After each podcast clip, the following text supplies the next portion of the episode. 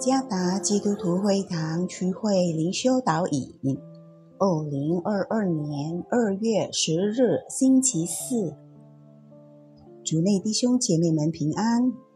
今天的灵修导引，我们要借着圣经罗马书第三章二十四节来思想今天的主题：完全的救赎。作者房仁康传道。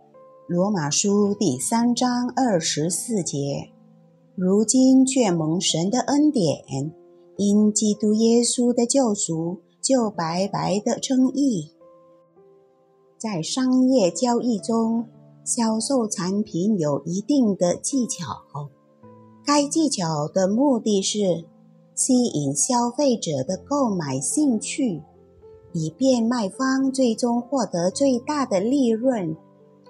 其中一个技巧是利用对产品售价的数字感知，例如，一个生产者想以大约十万印尼盾的价格出售，那么他将以九万九千印尼盾的价格出售，数字相差不大，但消费者。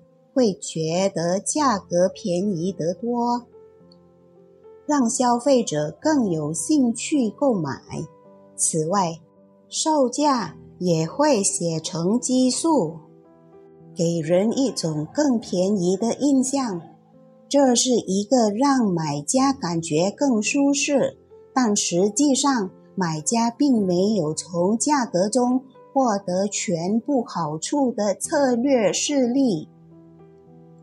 在今天的灵修经文中，保罗讲到的中心主题是：透过基督耶稣的救赎而获得上帝的恩典。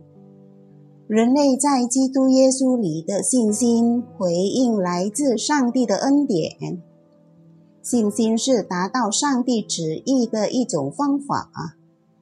信心只有专注于。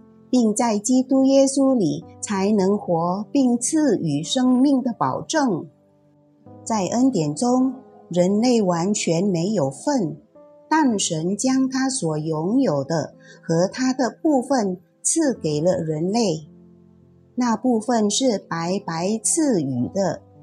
这并不是基于人类善行或美德的考虑。而是绝对基于上帝的爱和权柄，这就是上帝的恩慈或恩典。为了在他的恩典中实现上帝的目的，他已经透过他的儿子基督耶稣来预备。耶稣在世界上存在的顶点是他在十字架上的死。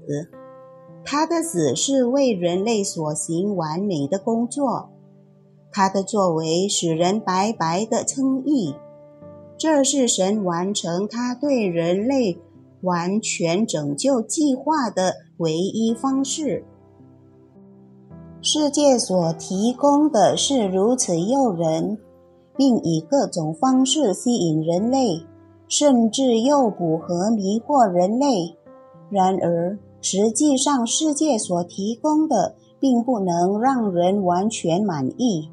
这世界是暂时的，终将结束。上帝向人类介绍并赐予他的恩典，这样的恩典不是部分的，而是全部的、完整的。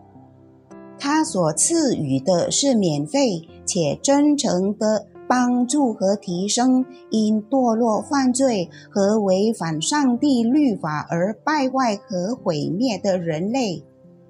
回应上帝的恩典，意味着我们已经从所犯的罪恶中得称为义。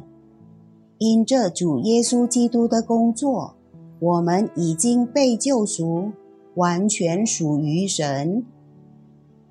世界所提供的产品可能很诱人，但上帝所赐的恩典证实称义，并保证我们完全得救，直到永恒的生命。主耶稣赐福。